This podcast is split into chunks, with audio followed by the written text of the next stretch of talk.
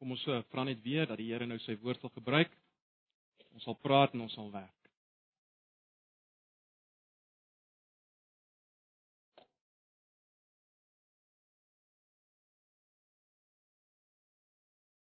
Ja Here, dankie dat ons U lof nou kon besing en nou wil ons vra dat U met ons sal praat. Deur die woord en deur die werking van die Gees. Here, U ken ons. U weet hoe bekend is ons met U woord. En dat ons sukkel om elke keer weer opnuut opgewonde te wees oor die woord, dat ons sukkel om dit te hoor soos dit moet hoor toe te laat dat dit ons denke vernuwe en eintlik ons wil in beweging bring vir U.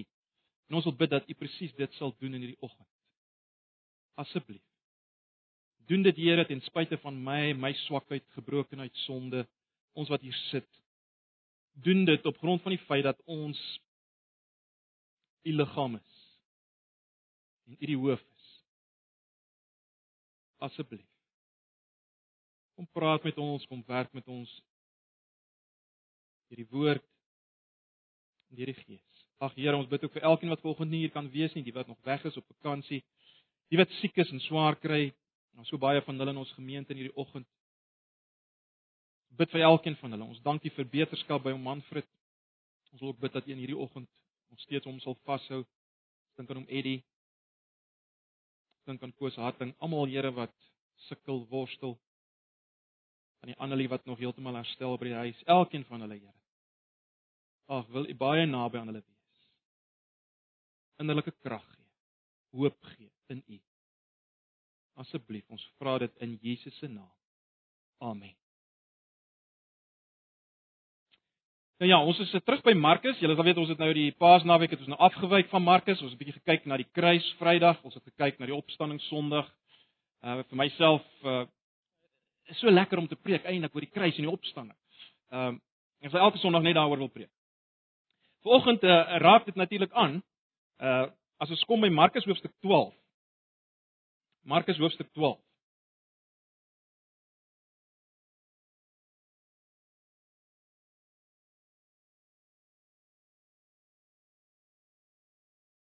Ons gaan die eerste 12 verse saam lees. Dis hierdie gelykenis van Jesus. Nou, ek kan onthou dat ek uh, nie so lank terug nie, Desember of 2 terug, het ek uh, na hierdie gelykenis gekyk vanuit Lukas se weergawe. Nou kyk ons dit uh, Markus se weergawe is stem grootliks ooreen, maar tog gaan ons hom vanoggend 'n klein bietjie anders verpak. Markus 12 vanaf vers 1.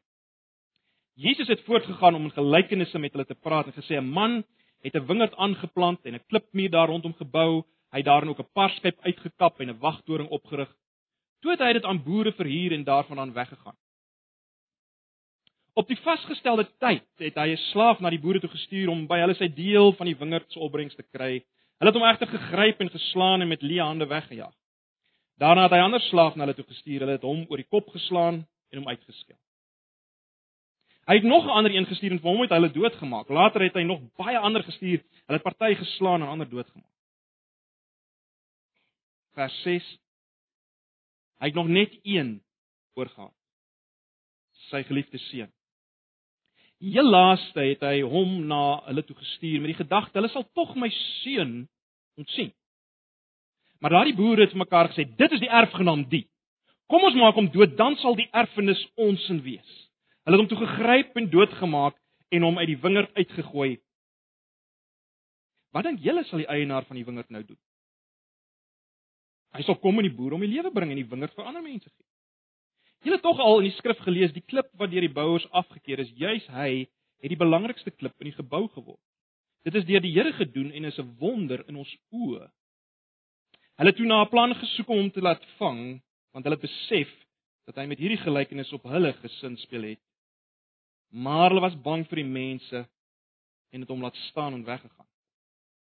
Ons lees net so. Nou by ons laaste geleentheid in Markus het ons vir mekaar gesê daar's min dinge wat 'n mens so ontstel, ja kwaad maak, selfs diep hartseer maak as wanneer uh iets of iemand nie is wat dit voorgee om te wees. En ons het na daardie waarheid gekyk aan die hand van hoofstuk 11.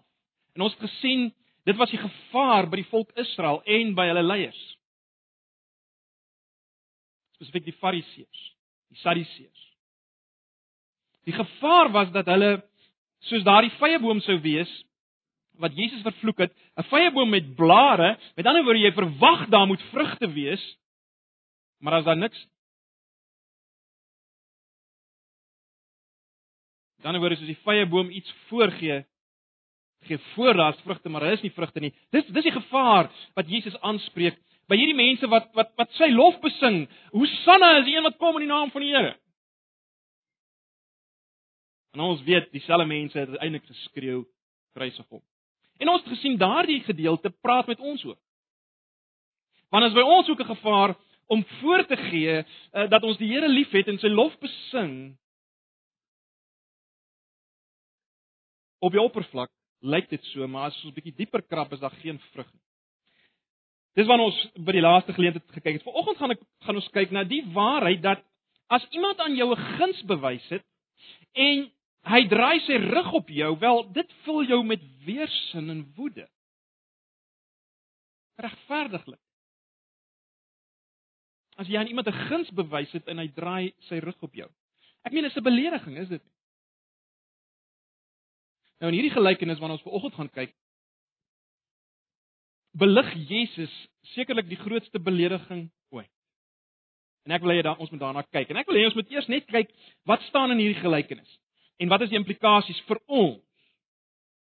En dan wil ek bietjie kyk na wat staan nie in hierdie gelykenis nie, want hierdie gelykenis gooi 'n bepaalde lig op wat nie in hierdie gelykenis staan nie, sodat dit vir ons iets sê. Ons uh en natuurlik Markus se eerste lesers en uiteindelik vir ons uh het dit geweldige implikasies. So kom ons kyk net na hierdie gelykenis soos hy hier is op die oppervlak en en en wat dit vir ons sê. Nou die verhaal, die of die storie wat Jesus hier vertel, is een wat baie duidelik deur die owerpriesters en skrifgeleerdes verstaan is as as iets wat op hulle betrekking het. Kyk net weer na vers 12. sien julle dit in vers 12? Hulle het toe na 'n plan gesoek om hom te laat vang, laat vang want hulle besef dat hy met hierdie gelykenis op hulle gesin speel het. So die die Fariseërs en en die of die oor eh, owerpriesters en die skrifgeleerdes het, het verstaan dat hierdie gelykenis is teen hulle gerig. En en, en hulle hulle was natuurlik nie verkeerd nie. Hulle aanvoeling was nie verkeerd nie. Enige een natuurlik wat bekend is met die Ou Testament en natuurlik hulle was by uitstek bekend met die Ou Testament. Enige een wat bekend is met die Ou Testament, sal natuurlik weet Jesus kry sy beeld wat hy gebruik in hierdie gelykenis iewers anders. Blaai gou na Jesaja 5. Blaai gou na Jesaja 5.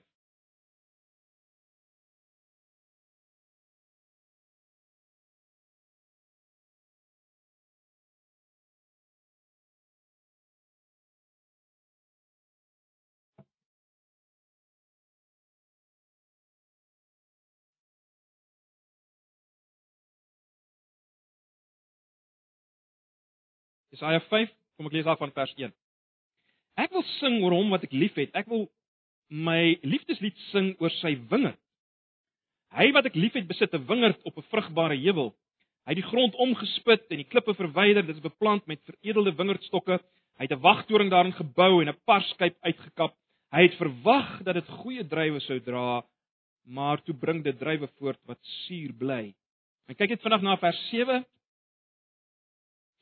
Die wingerd van die Here die Almagtige, die wingerd wat hy geplant het en waarin hy hom wou verlustig, is die Israeliete, die volk van Juda.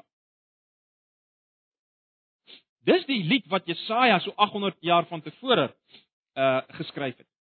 En ek dink die vrou die verhouding tussen die twee is onmiskenbaar, is dit nie?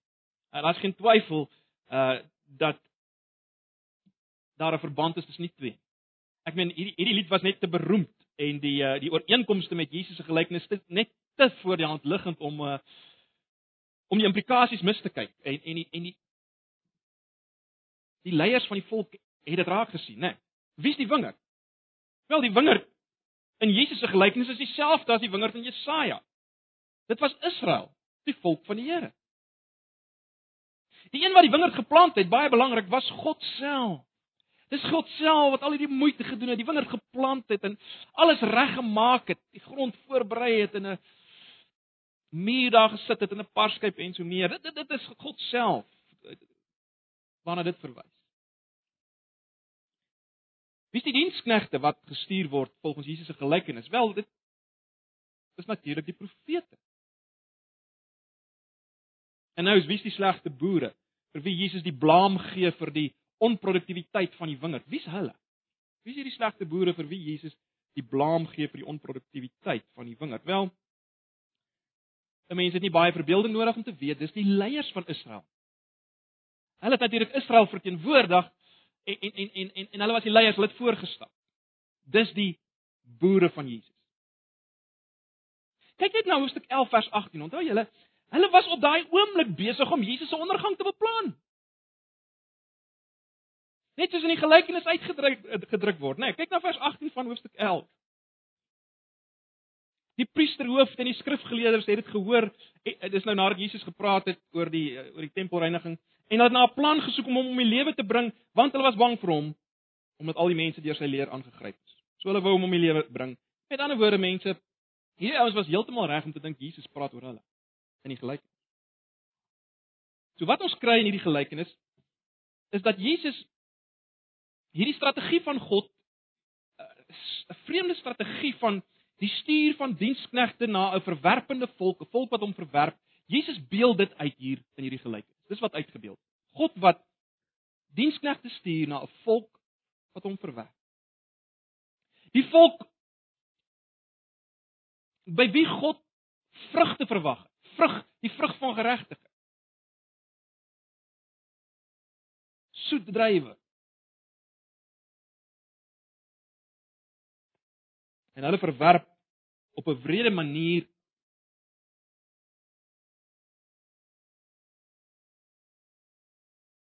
al die boodskappers wat hy na hulle stuur.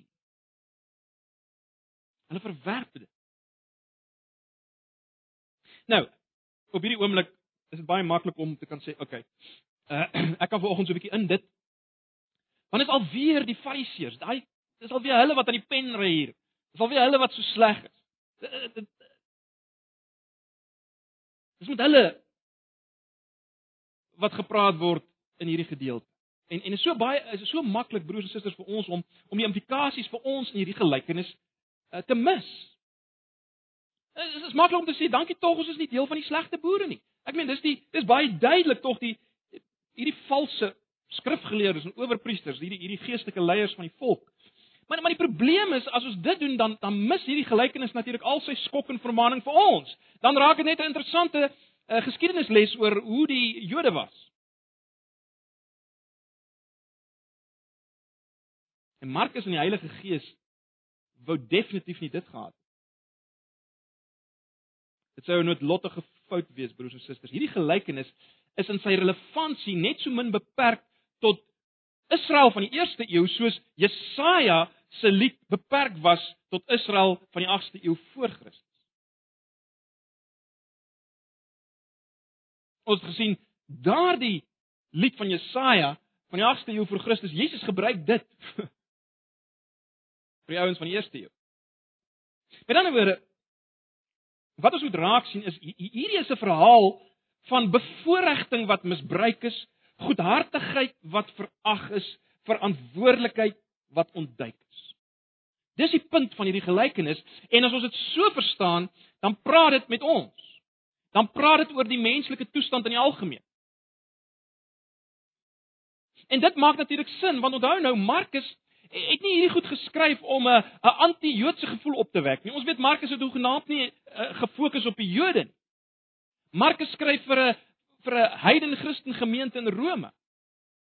En hy wil hy wil hê hulle moet iets raak sien, né? Nee.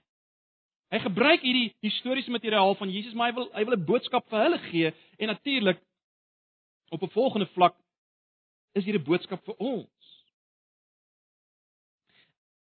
En daarom broers en susters, is ek oortuig daarvan dat Jesus beskryf nie net vir Israel as hy van die wingerd en die boere praat. Jesus beskryf enige situasie, en elke situasie in hierdie wêreld van ons waar waar goddelike seën, goddelike liefde, goddelike goedheid beantwoord word met menslike minagting. As ek as jy dit so kan sê. En ek het rede om so te sê want onthou nou, uh, ons het al 'n bietjie daaroor gepraat. Onthou nou dat dat Israel in 'n sin die rol oorneem van die wêreld. Onthou vir Abraham. Abraham neem die rol oor van Adam, nê? Nee, vir Abraham word weer dieselfde dinge gesê as vir Adam. Abraham neem die rol oor van Adam. Israel word as te ware vervang as te ware die wêreld in die klein. God wys in Israel wat hy vir die wêreld wil. En en dit alleen sê vir ons hier is groter implikasies vir ons. Natuurlik in die Nuwe Testament is dit baie duidelik dat die kerk van die Here Jesus neem die rol van die volk Israel oor. Dit is baie duidelik, nie tyd om dit nou weer te belig nie. Maar, maar die punt is wat ons moet raak sien is dat hierdie gelykenis in die eerste plek geweldig relevant is vir die kerk van die Here vandag. Die kerk van die Here wat ontsettend bevoordeel is. Dit praat met ons as Antipas. Wat het ons nie alles ontvang van die Here nie? Ons het sy woord. Ons het prediking. Ons het selgroepe. Ons het medebroers en susters. Ons het alles wat nodig is om vrug te lewer vir die Here. Die vrug van liefde vir God en liefde vir mekaar. Dink maar net aan al die boeke wat ons het. So in die eerste plek verseker is dit ook is dit ook van toepassing op die kerk van die Here. Daar's geen twyfel dat Markus dit so wil gebruik nie. Maar ek dink die toepassing is selfs nog verder, weer eens eh, na die hele wêreld. Ek dink die Here Jesus wil die tragiese toestand van die hele wêreld hier beskryf, want dit is 'n wêreld wat oorspronklik deur God geskep is, vol potensiaal. Dink aan die gebeure in die, in die tuin. Daar moes net geproduseer word vir God.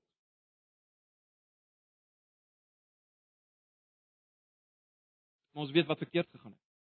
Of laat ons so sê, ons weet iets het verkeerd gegaan. Die vraag wat ons vanoggend met mekaar moet vra in die lig van die gelykenis, wat het verkeerd gegaan? Wat is fout met die wêreld? Wat is fout met met ons, met my en jou? Wel, daar word natuurlik uh, baie antwoorde op hierdie vraag gegee deur die media. Elke tydskrif gee antwoorde op wat is die probleem in die wêreld. Maar ons moet in die lig van hierdie gelykenis vra, wat is verkeerd met die wingerd van Jesus, met die wêreld, met die kerk? Wel kyk na vers 7. Vers 7 maak dit baie duidelik. Kom ek lees maar net eers vers Maar daardie boere het mekaar sê, dis die erfgenaam die kom ons maak hom dood dan sal die erfenis ons sin wees. Nou broers en susters, ek is oortuig uh, vers 7 uh gee die probleem weer. Dis die probleem. Jy sien, hierdie mense is in die wingerd geplaas as huurboere, maar hulle wou eienaars wees. Dis die probleem. Hierdie mense is as huurboere geplaas in die wingerd, maar hulle wou eienaars wees. En dit is ongelooflik as jy dink watter voorreg dit was om te werk in hierdie wingerd van hierdie eienaar. Maar dit was nie vir hulle goed genoeg. Hulle wou die eienaars wees. Jy sien 'n huurboer, 'n huurboer is per definisie aanspreeklik, né? Nee, hy hy hy werk nie vir homself nie. En en en dis dieselfde met met mense sê Jesus. Dis dieselfde met met ons almal. Ons is toerekeningsvatbaar, ons is verantwoordelik. Ons skuld morele gehoorsaamheid, liefde aan God, Ons skuld om hartsliefde. Hy het vir ons alles gegee vir daardie doel. Ek wonder of julle al ooit gewonder het oor daai snaakse sin van vir 'n eh, sin vir verantwoordelikheid wat ons het. Waar kom dit vandaan? Wel dit kom van die eienaar van die wingerd. Ons hele natuur reflekteer bloot die feit dat ons op die aarde gesit is as huurboere en nie as eienaars Ons is iets verskuldig aan die een wat ons alles gegee het, né? Nee. Kyk, die oomblik as jy sê ek behoort dit te doen of ek behoort dat te doen, dan dan getuig jy eintlik van hierdie feit dat jy nie die eienaar is. Jy is 'n huurboer. Jy sien die basiese rede waarom die wingerd te gemors is om die beeld te gebruik. Die basiese rede waarom die wingerd te gemors is, is omdat ek en jy, mans en vrouens en kinders oor die wêreld heen, Jode, heidene, maak nie saak nie, hardloop weg van hierdie verantwoordelikheid van huurboer wees. Onthou julle aan die begin in die tuin van Eden, dit was dieselfde probleem. Uh, die slang sê vir Eva, jy kan julle kan soos God wees. Dis dieselfde probleem wat Jesus hier uitbeeld. Ons, ons moenie die verband mis nie.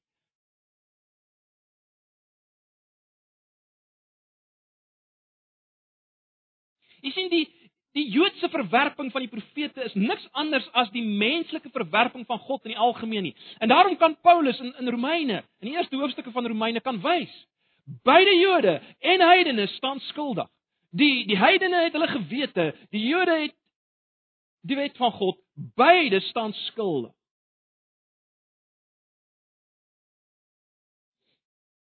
Almal is sonder verskoning. Almal is huurboere met agterstallige huur. Dis wat Romeine 1 tot 3 uitbeeld, is dit nie?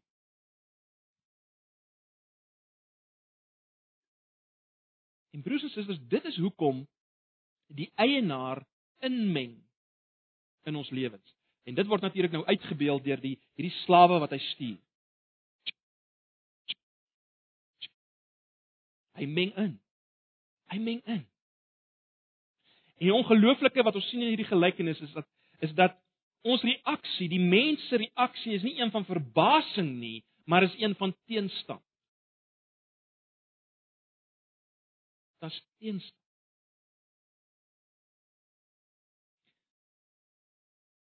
Ek sê weer, broers en susters, dis die dis die worteloorsaak van die mislukking van die wêreld om 'n beter plek te word. Dis die worteloorsaak ook van jou mislukking om te wees om te of om te word wat jy graag wil. Uh, hier is die oorsaak waarom uh, ek en jy dikwels laphase van van van geluk en gesondheid en welvaart ja najag, ligspieelinge wat nooit bevredig nie. Hier is die probleem.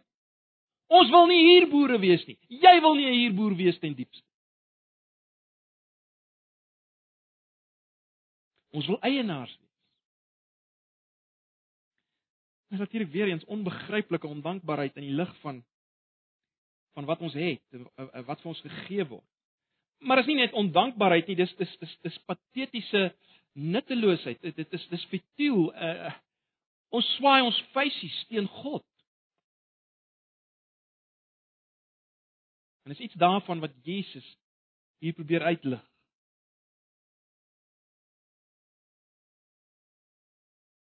Ons verwerp alles en almal wat ons herinner aan ons verantwoordelikheid. Ons verwerp dit. En as mens nou jouself plaas in hierdie gelykenis uh, wat hier uitgebeeld word in wat hierdie eienaar gedoen het dan dan, dan vra jy jouself gaan hierdie eienaar duld ek meen kyk net hy stuur een slaaf na die ander en hulle hulle maak hulle dood gaan hy dit duld En die onbegryplike ding in Jesus se gelykenis is dat die eienaar dit so lank duld, né?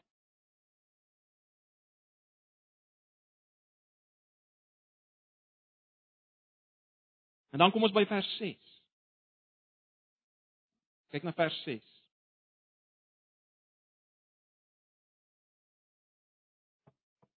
Hy het nog net een oor gehad, sy geliefde seun, heel laaste het hy hom na na hulle toe gestuur met die gedagte hulle sal tog my seun ontsien. Daar's geweldige empatie in hierdie vers, né? Nee.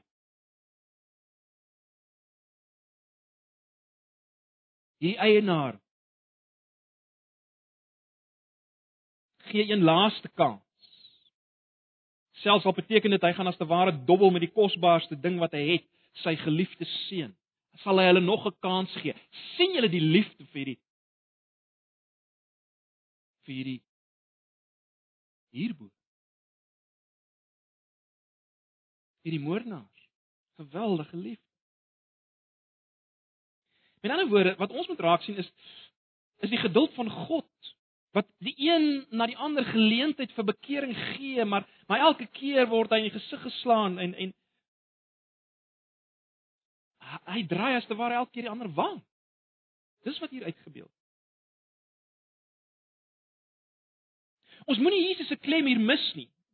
Uh as Jesus sê of as Jesus praat van die geliefde seun, wat wil Jesus sê? Hy wil sê, kyk, ek ek is daardie geliefde seun. Ek is nie maar net nog 'n profeet. Ek is nie maar net nog 'n rabbi nie. Ek is die geliefde seun van die eienaar van die wingerd. Onthou, hulle het geweet wie's die eienaar van die wingerd. Hulle het geweet dis God is die eienaar van die wingerd. Uit Jesaja 5 uit. Met ander woorde, Jesus wil vir hulle sê ek is God se geliefde seun. En, en ag vir ons is dit nou al so ons is so gewoond daaraan, maar broers en susters, dis dis geweldig. Ek is anders, ek is spesiaal. En ek het absolute gesag. Uh ons sukkel baie keer met die gedagte van seun, né? Nee. Ons dink altyd in 'n aan 'n seun as bietjie minder en bietjie uh, in die Joodse kultuur het 'n seun die pa gewys en en en en verteenwoordig uh, hy die gesag van die pa gedra en en dis wat lê agter hierdie gedagte van die seun. Ek het gesag. is is geweldig as ons lees as die eienaar sê hulle sal tog my seun ontsien. Uh geweldig. As mens dink daaraan dat God dieselfde dag kan sê hulle sal tog sekerlik my seun ontsien en ek en jy weet die seun word nie ontsien nie.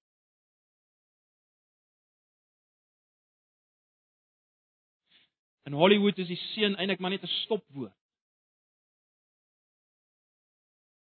in mense se lewens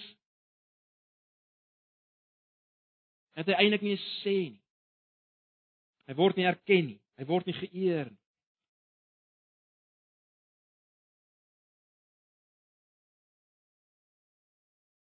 Tog is hy die een met absolute gesag.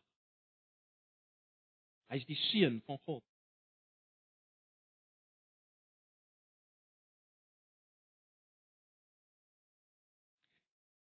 Dis 'n ontsaglike waarheid, is dit nie dat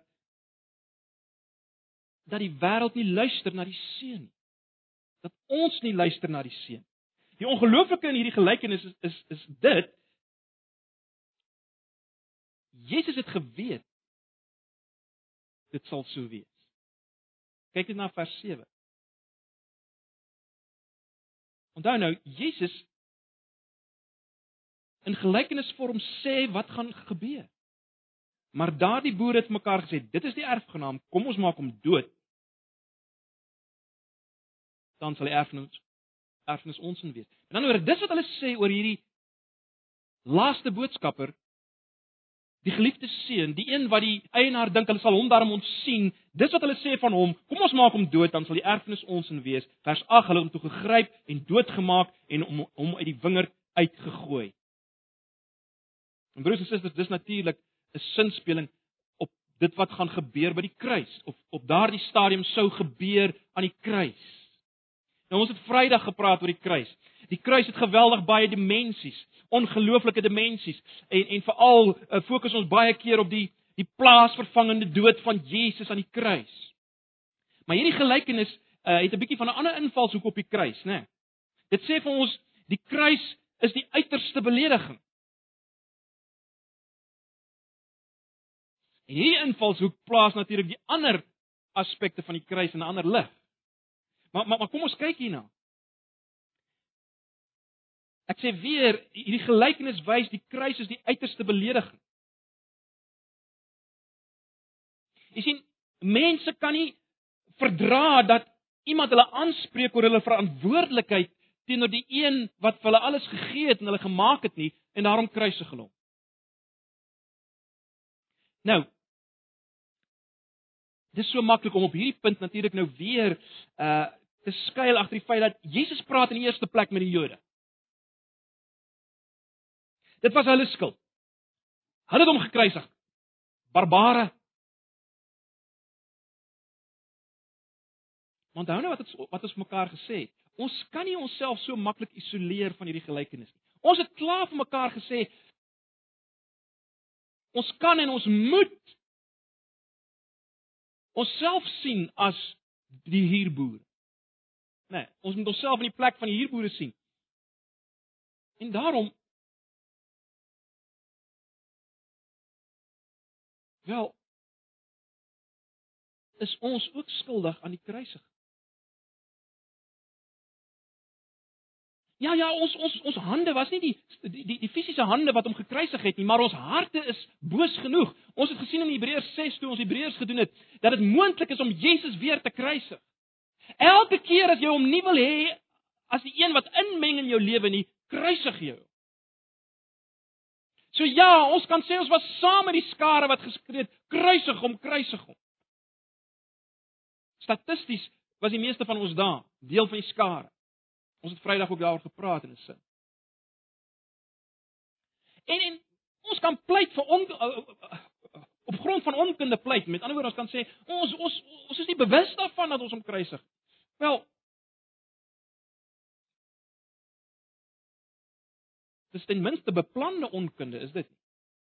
Jesus maak dit baie duidelik, die hierboere het baie goed geweet wat hulle gedoen het. Wie hulle vermoor het. Hier's die erfgenaam. Kom ons maak hom dood sodat die erfdeel ons in kan wees. Broers en susters, ons moet die probleem van die mensdom en en my en jou probleem ten diepste uh, raak sien hier. Ons wil onafhanklik wees. Ons het 'n obsessie om in beheer te wees. En daarom hou ons nie van Jesus se inmenging in ons lewens ten diepste nie.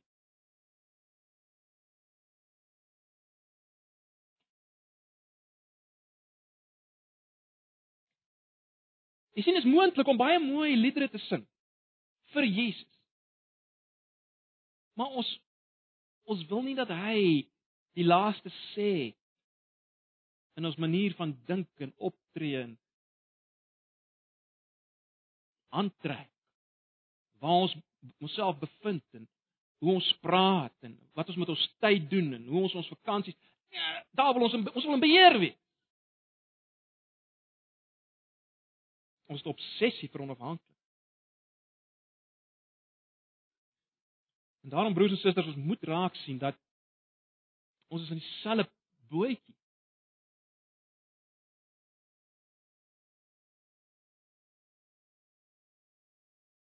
As die Jode, Fariseërs, owerpriesters wat hom nie wou gehad het, wat nie sy inmenging wou gehad het nie, wat hom gekruisig het. Ons staan skuldig aan dieselfde moord. En dit bring ons by vers 9 tot 12. Wat dink julle sal die eienaar van die wingerd nou doen? Hy sal kom en die boer hom die lewe bring en die wingerd vir ander mense gee. Julle het tog in die skrif gelees die klip wat deur die bouers afgekeur is, juis hy het die belangrikste klip in die gebou geword. Dit is deur die Here gedoen en is is 'n wonder in ons oë. Hulle het toe na 'n plan gesoek om hom te laat vang want hulle besef dat hy met hierdie gelykenis op hulle gesin speel het. Kom ons kyk net eers na hierdie aanhaling uit Psalm 118 wat in vers 10 gegee word. As Jesus sê julle tog in die skrif gelees, die klip wat deur die bouers afgekeur is, jy is die belangrikste klip in die gebou geword. Jesus al aan uit Psalm 118 En in Psalm 118 word daar metafories gepraat oor die bou van 'n van 'n huis of 'n groot gebou. En en en die bouers kry daar 'n snaakse klip, dis wel uitgebeeld word. Hulle kry 'n snaakse klip. Hulle gooi hom een kant toe want hulle voel hulle kan hom nie gebruik nie. En uiteindelik as hulle die gebou naby die gebou se einde kom, dan besef hulle maar daai klip is eintlik die belangrike sluitsteen. Uh dis die belangrikste steen om die hele gebou te laat werk. Uh en dan gebruik hulle daardie klip uh wat hulle uit wat hulle aanvanklik weggegooi het. Die klip wat die hele struktuur eintlik dra. Nou in sy oorspronklike konteks is hierdie Psalm toegepas op 'n metaforiese manier op op uh die terugkerende konings van Israel uh na 'n suksesvolle militêre veldtog die heidene nasies het het die konings van Israel geminag uh om afgemaak as 'n waardelose klip, maar nou het God laat reggeskied aan sy gesalfde en hom verhoog bo sy vyande. So die klip wat die bouers verwerp het, die kosbaarste klip geword. Dit, dit dis die aanvanklike konteks van die Psalm. Nou die die Jode van Jesus se dag het dit messiaans uh geïnterpreteer. Met ander woorde dat dat dit verwys na die Messias, daardie belangrikste klip. En die die Jode in Jesus se tyd, die met die ouens met wie hy praat in hoofstuk 11 en 12, het dit so gesien. Uh, ek meen as mens maar net gaan kyk na hoofstuk 11 vers 9 tot 10, uh, dit gaan eintlik oor dieselfde onderwerp. Hulle hulle dit as messiaans gesien. En wat Jesus nou kom doen is om te sê, sien julle wat die implikasies is? Julle is mos nou Bybelstudente. Uh, julle weet waaroor dit gaan sien julle nie dat my storie van die verwerpte seun is die uiteindelike vervulling van die storie van die verwerpte klip wat julle so goed ken uit Psalm 118. sien julle dit? Verstaan julle dat ek is die belangrikste klip? Ek is die een wat nodig is om die gebou te laat werk. Sonder my stort alles in duie. Besef julle ek is daardie een. En jy sien as mens dit besef, dan maak vers 9 sin. Wat dink julle sal die eienaar van die wingerd nou doen? Jy sien 'n mens sou geen respek hê vir vir 'n eienaar van 'n wingerd wie se diensknegte die een na die ander vermoor is en uiteindelik is sy eie geliefde seun vermoor en hy doen niks nie. Ons sou geen respek hê vir so een nie. En dis die punt wat Jesus hier wil maak. Daar is oordeel. God sal optree.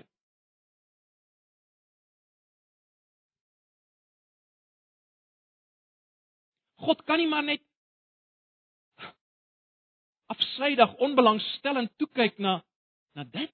Nee, dis dis die punt wat Jesus wil maak. Julle moet dit besef. Julle speel met vuur as julle my verwerp. Dis wat Jesus wil sê.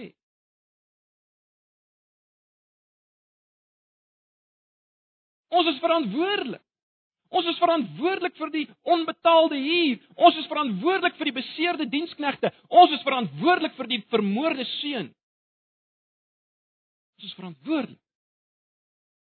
En God kan dit nie maar onder die tafel vee. Sonder om op te hou om God te wees nie.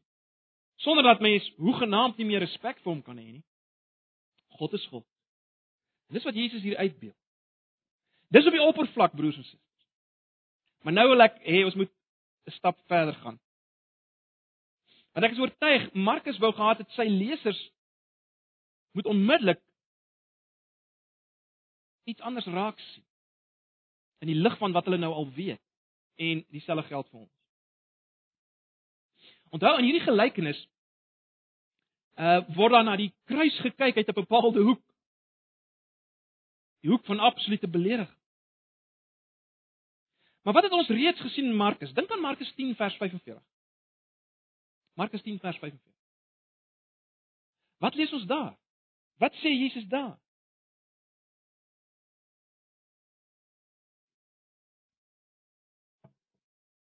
Wel Jesus sê hy het gekom om sy lewe te gee as 'n losprys vir baie. Is dit nie geweldig?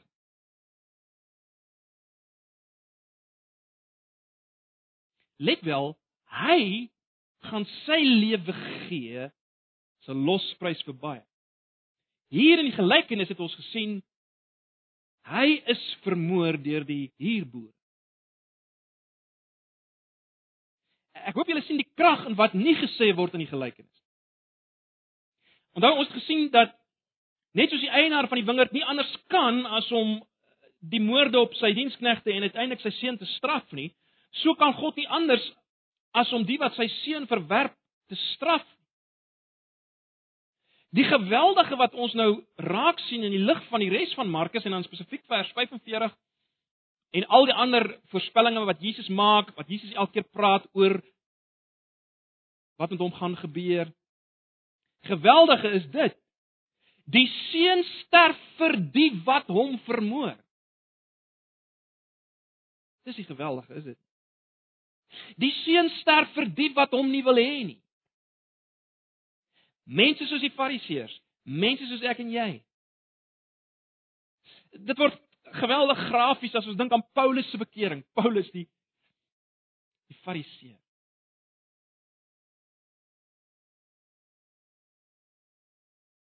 En dan oor broers en susters, wat ons moet raak sien is dat hierdie gelykenis wys aan die een kant dat dat die mensdom, die Jode in die eerste plek, maar die mensdom, ek en jy staan skuldig aan die grootste belediging ooit. Ons verwerping van ons bevoordeelde posisie, Ons verwerp dit. God verwag as te ware verskoning, as ek dit so kan stel, 'n terugkeer, 'n erkenning daarvan. Dit dit dit is wat die gelykenis aan die een kant sê. Maar maar maar Markus Markus wil verseker hê ons en sy eerste lesers moet verder dink en iets verder raak sien. Ons moet die ongelooflike raak sien van van God se liefde en vergifnis wat in 'n sekere sin nie regverdig is nie. Sy liefde is nie regverdig nie. Hy sê hy sal absoluut regverdig wees om die hierboere dood te maak. Hy kan nie anders nie. Die ongelooflike in die lig van Markus 10 vers 45 is juist die feit dat hy doen die nie regverdig die onverklaarbare, die onuitspreeklike. God gee sy seun oor in die hande van sondaars vir hulle. vir hulle. Sodat hulle as hierboere kan begin leef. So dis die een ding wat nie hier gesê word nie wat ons moet raak sien. Maar daar's nog iets en daarmee sluit ek aan.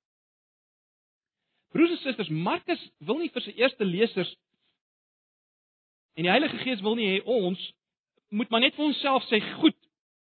Ons moet 'n bietjie harder probeer om vrug te lewer vir God as wat die Fariseërs probeer het." En die volk Israel, ons moet net 'n bietjie harder probeer. Die punt wat ons moet raak sien en wat wat ons moet besef op hierdie punt al staan dit nie eksplisiet in die gelykenis nie, moet ons besef Die probleem is ek en jy en die Fariseërs en die wêreld kan nie. Die wingerd kan nie die vrug oplewer wat God soek. Dis wat ons moet raak. En jy sien dis wat Markus wil hê ons moet besef in die lig van alles wat ons nou al gesien het. Wat moet ons raak sien? Ons moet Jesus raak sien. Jesus wat kom en sê die koninkryk van God het naby gekom toe hy verskyn. Jesus wat gekom het en gewys het die futiliteit van om nuwe wyn in ou sakke te gooi. Die futiliteit van die godsdiens van die van die Jode en die Fariseërs. Jesus wat vir die ryk jong man gesê het, los alles en volg my.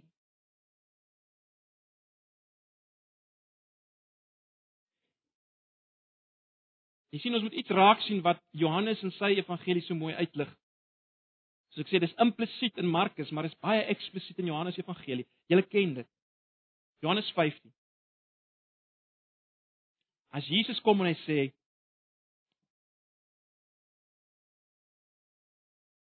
Ek is die ware wingerdstok, my Vader is die landbouer. Elke loot wat in my bly, dra veel vrug. Wat doen Jesus daar? Weerens sin speel hy op Jesaja. Die winge. Wat kom sê? Hy kom sê hy is nou die wingerd. Hy kan die vrug dra wat God wil hê gedra moet word. Die die ou wingerd Israel kon nie. Hy is nou die ware wingerd. Hy kan die vrug dra wat God wil hê. Jy sien hy eh, neem die rol oor van Israel, maar ons weet hy neem meer oor. Hy is die laaste Adam. Hy rol neem die rol oor van die mensdom. Hy kan wees wat God wil of hy was wat God wil hê. Wou gehad het die mens moet wees, Israel moet wees. En daarom wat is die enigste manier om vrug te dra?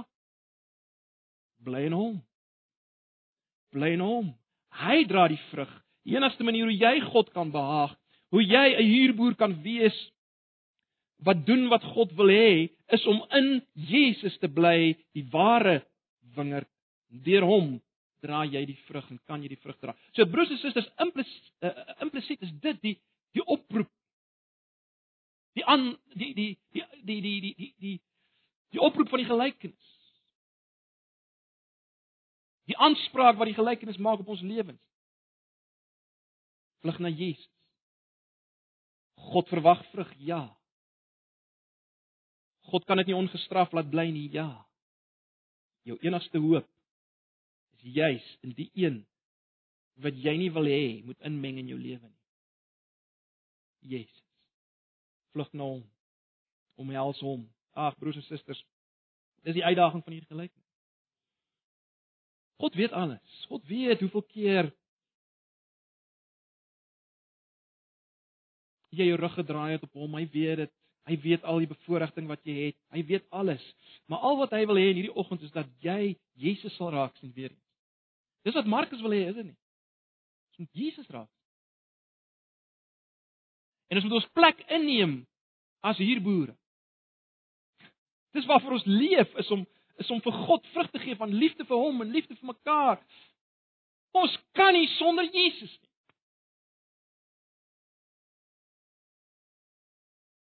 Dis wat Markus wil hê sy lesers moet raak sien. En dis wat ons moet raak sien. Mag die Here ons help om uh, om dit te hoor soos dit moet hoor. Ag broers en susters, gee dit nie gewellige sin in ons lewens. Dis waarvoor ons hier is. Vrugte dra vir die eienaar.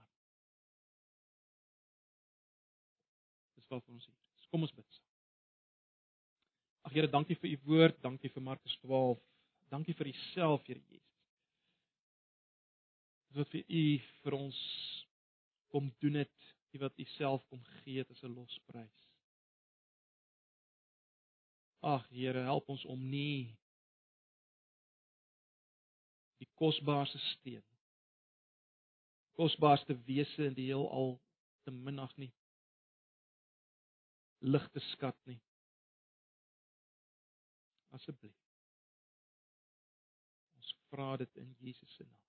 Mag nou die genade van ons Here Jesus en die liefde van hierdie God en die gemeenskap van sy Heilige Gees met julle wees bly in hierdie week waar julle gaan leef as mense wat vrugte dra vir die eienaar tot eer van sy naam. Amen.